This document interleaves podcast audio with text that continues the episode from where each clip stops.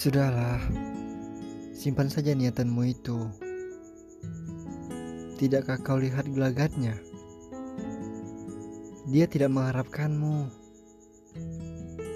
Untuk apa kau terus berharap? Dia hanya masih belum bisa mengubah kebiasaan, bukan berharap kepadamu.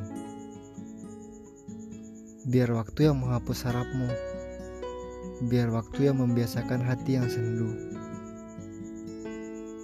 Sampai tiba saatnya, kau tak lagi terluka saat melihatnya. Sampai tiba saatnya, kau tak lagi menangis saat mendengar suaranya. Mengubah rasa memang tak semudah melihat senja. Menunggu harap hanya membuatmu sakit sendiri saja. Jangan menyakiti diri sendiri. Untuk dia yang biasa saja.